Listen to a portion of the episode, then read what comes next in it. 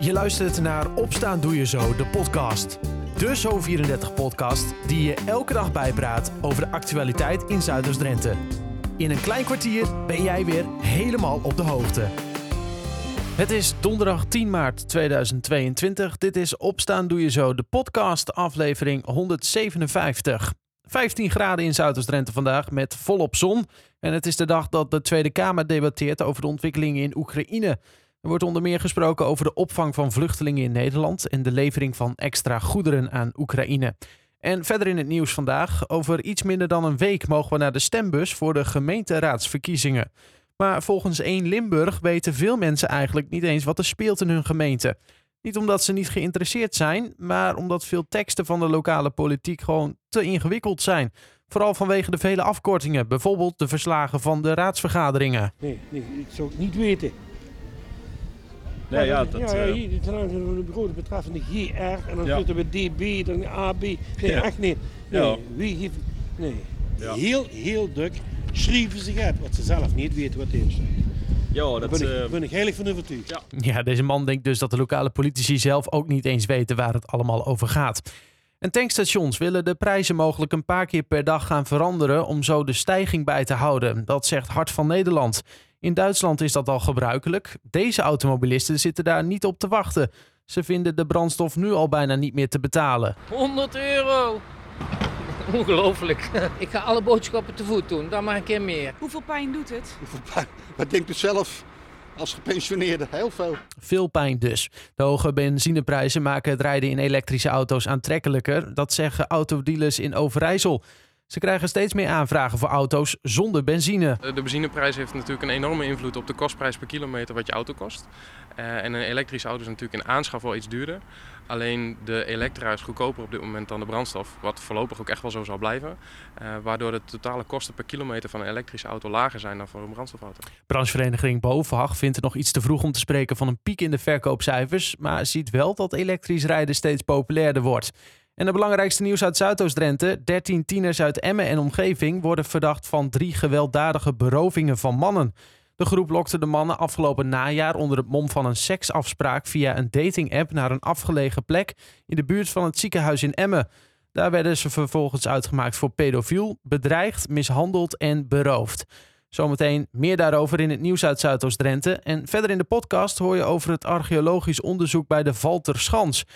Eerst naar Koevoorde, waarin de afgelopen jaren is geïnvesteerd in sportaccommodaties. 5 miljoen euro maar liefst.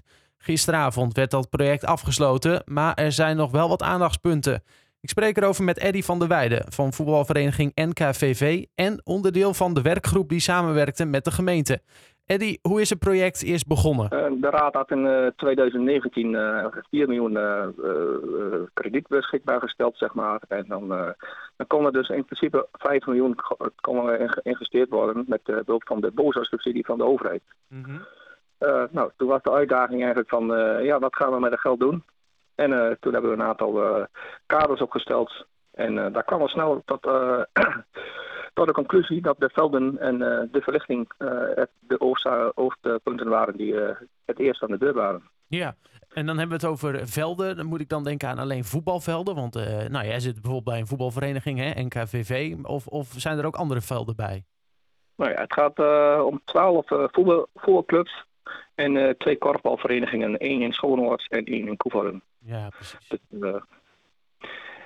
dus eh, ja, de, de velden eh, in eh, bijvoorbeeld bij de ene moest dan de, de toplaag vervangen worden, de andere moest ge- gerenoveerd worden. Maar in, in ieder geval, aan het begin hebben we dus keuzes moeten maken. Er waren in het begin waren er een aantal clubs die wilden graag een kunstgrasveld. Ja. Nou, toen kwam eigenlijk ja, snel naar voren, ja, dat is wel erg kostbaar. En wie gaat dat betalen als het, het kunstgrasveld af is? Nou ja, dat kwam ook, ook tot de conclusie dat dat geen optie was. Want eh, ja, het is eh, niet milieuvriendelijk. Tenminste, dat eh, vonden wij dan als werkgroep en, als, en de gemeente. Dus hebben we gekozen voor een andere hybride oplossing, zeg maar. Dus een, de- de O2-velden, zoals men het noemt. De O2-velden, dat moet je me even uitleggen. Want wat is een, een O2-veld? Want ik weet dat O2 is eh, zuurstof, volgens mij. Maar eh, Ja, ja. da- daar haalt mijn kennis op. Ja, precies. Nou, de O2 is eigenlijk een, eh, eh, een veld eh, gemengd met lavakorrels, maar. Die komen uit Zwitserland, uit een mijn. Mhm. die zijn heel poreus, dus die kunnen bij eeuwige regengevallen heel snel water absorberen. Maar ze kunnen ook water vasthouden in droge tijden. Dus in principe krijg je dan een zou je dan een stabiele onderlaag moeten krijgen waar je nou, een goed veld van hebt. Ja, maar dan moet dus eigenlijk is dan, eh, want je zei eh, ja, al die velden, is dan overal het veld zeg maar ervan afgegaan en zo'n O2-veld aangelegd? Nee, we hebben eh, eerst in het begin een ja, zogenaamde quizscan gedaan. Welke verenigingen wilden waar een O2-veld. nou, in ieder geval, elke vereniging komt dan een, of een voetbalveld en een trainingsveld renoveren. Mm Later is nog besproken dat, uh, ja, dat er ook wat grotere verenigingen zoals Raptin, uh, Germanicus en CVC bijvoorbeeld, dat die uh, ook wat extra velden kunnen renoveren. Ja. En ja, de ene vereniging heeft wel een O2-veld en bijvoorbeeld andere verenigingen niet. Bijvoorbeeld CVC heeft alleen een renovatie van het veld. Want ja, als het niet nodig is, dan is het ook niet nodig. Nee, dan is het zeg maar weggegooid geld. Nu zijn we uh, een paar jaar verder. Uh, gisteren was een beetje, nou toch een beetje de, de soort afsluiting van het uh, project. hoe staat het er nu overal voor? Hoe, hoe, hoe lijkt het? Nou, we hebben fase 1 en fase 2 hadden wij dus. En fase 1 was velden, leds en toegankelijkheid. Dus we hebben ook wat aan toegankelijkheid kunnen doen. Zeg maar, dat houdt in dat je met een rolstoel naar binnen moet kunnen, zeg maar, Ja. langs de lijn. En dat er ook een invalide toilet aanwezig is. Mhm. Nou, daarnaast hebben we fase 2, want dat is een vrij besteedbaar bedrag voor verenigingen waar men offertes voor aangeleverd heeft. Ja, en dat, dat is nog steeds een uitvoering. Dus zowel de toegankelijkheid en de fase 2 zeg maar, voor kleedkamerrenovaties bijvoorbeeld.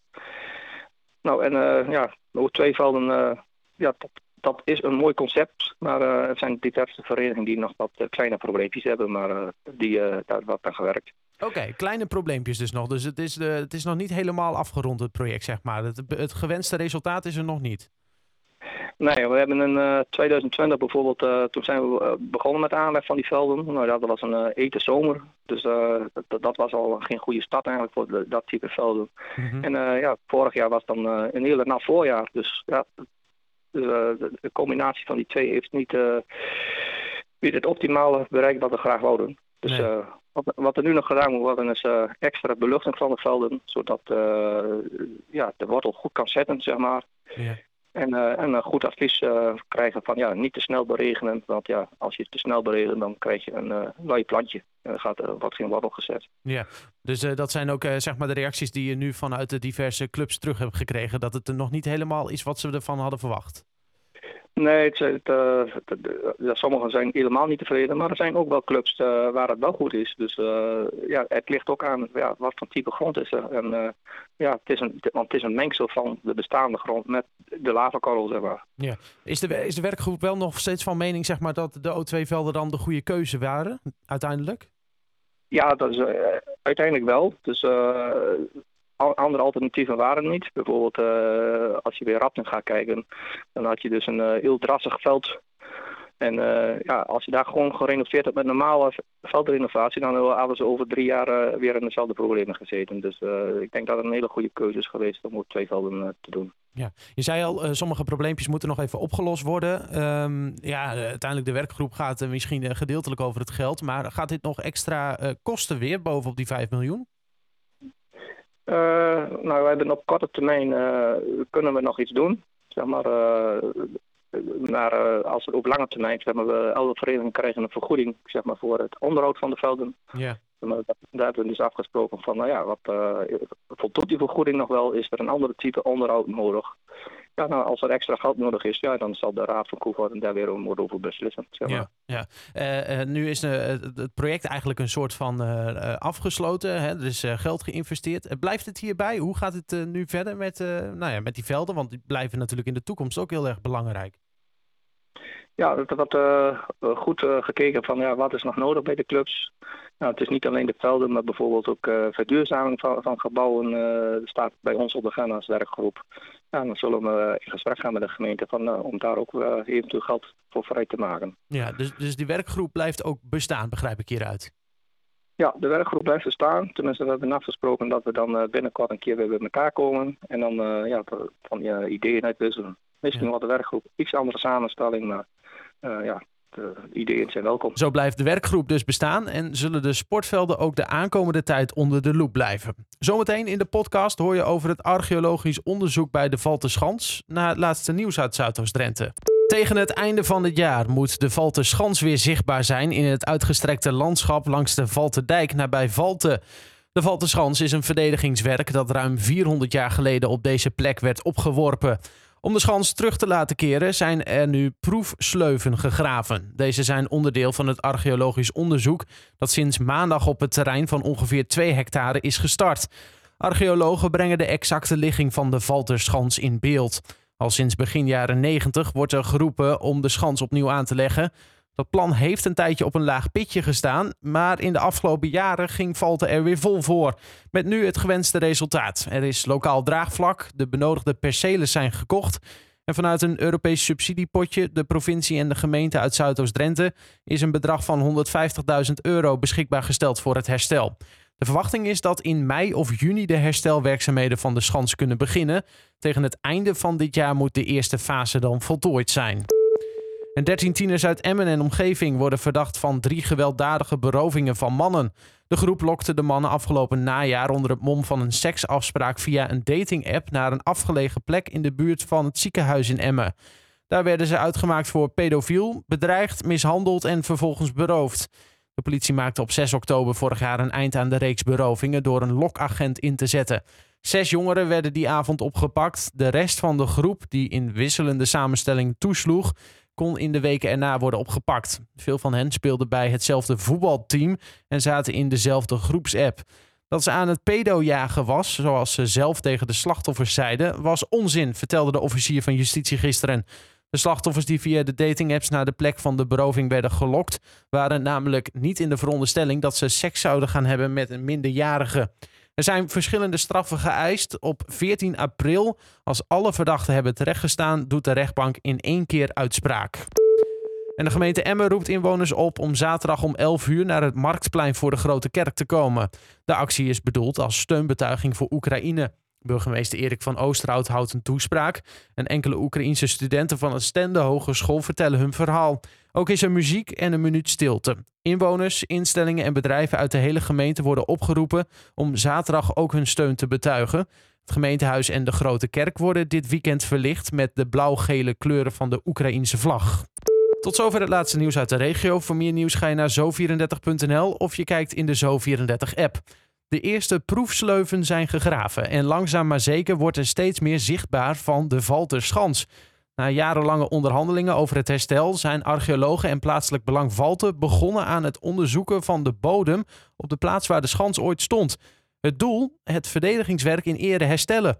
Verslaggever Marcel Drent sprak met archeoloog Co Lenting over wat er tot nu toe gevonden is. En als je begint hier de insteek naar de gracht toe. De zwarte laag is ook de grachtbodem. En er zit dus allemaal materiaal in. Er zit een baksteen in. Kijk, je ziet een stuk van een dakpan. Die hebben we allemaal verzameld. We hebben overal een monster van. En we weten dan ook ongeveer wat, uh, wat voor bebouwing uh, er binnen de schans uh, heeft gelegen. Je vindt er ook musketkogels in. En een leuke vondst wat we ook gedaan hebben, is, zijn tien vislootjes. Die zijn bij elkaar gevonden, dus ze hebben hier ook in gevist. Robert-Jan Roos, vertegenwoordiger van het dorp namens, namens Plaatselijk Belang. Ja, Robert-Jan, het is begonnen. Gelukkig. Ja, na jaren zijn we eigenlijk aan de gang. En uh, zelf ben ik niet zo lang bij het plaatselijk belang. Maar het is heel fijn dat nu echt de stappen gezet worden waar al jaren geleden over aangevraagd is. Waarom is dit zo belangrijk voor het dorp? Het dorp heeft een jaren geleden een onderzoek gedaan wat ze het, best, wat ze leukst hadden vinden. En dat zijn drie onderwerpen geweest en de, de Valterschans is er één van. De andere twee zijn gerealiseerd, plus het onderduikershol. En uh, dit is eigenlijk de laatste die dan uh, gedaan wordt om dan de, de wensen van het dorp zeg, in te vullen. Wat is nou het historisch belang dat deze, dat deze schans gerestaureerd gaat worden? Nou, het historisch belang is eigenlijk dat, we, dat het, het is een, een, een van de schansen. In Drenthe en Groningen zijn veel schansen geweest. Uiteindelijk is het een van de verdedigingen geweest van de 80-jarige oorlog eigenlijk tegen de Duitsers, in dit geval in Münster. En uh, het heeft gewerkt, want ze zijn niet hier overheen gekomen, maar bij, wel bij, uh, bij, bij uh, onze buurtgemeente. Dit zijn proefsleuven, die zie je nu in de grond. Ehm, maar wat gaan wij hier straks zien? Uiteindelijk ga je hier zien dat we in mei, mei, juni gaan we echt hier graven. Dan gaan we ook de, de gracht die we nu zeg maar, intekenen door, die, door deze proefsleuven, weten we exact waar de gracht eh, zit. En dan, die gaan we uitgraven en de wallen komen ook terug. Eigenlijk zal je aan het eind van het jaar zie je hier dan een, de contouren, niet, niet ingericht nog, maar de contouren van hoe, de, hoe dat vroeger eruit zag. Dus met, met de gracht en met uh, de, de, de beveiligings eromheen. Meer over het onderzoek en de toekomst van de Valterschans lees je op onze website zo34.nl of in onze app. Tot zover Opstaan Doe Je Zo, de podcast van donderdag 10 maart 2022. Een fijne dag en tot morgen.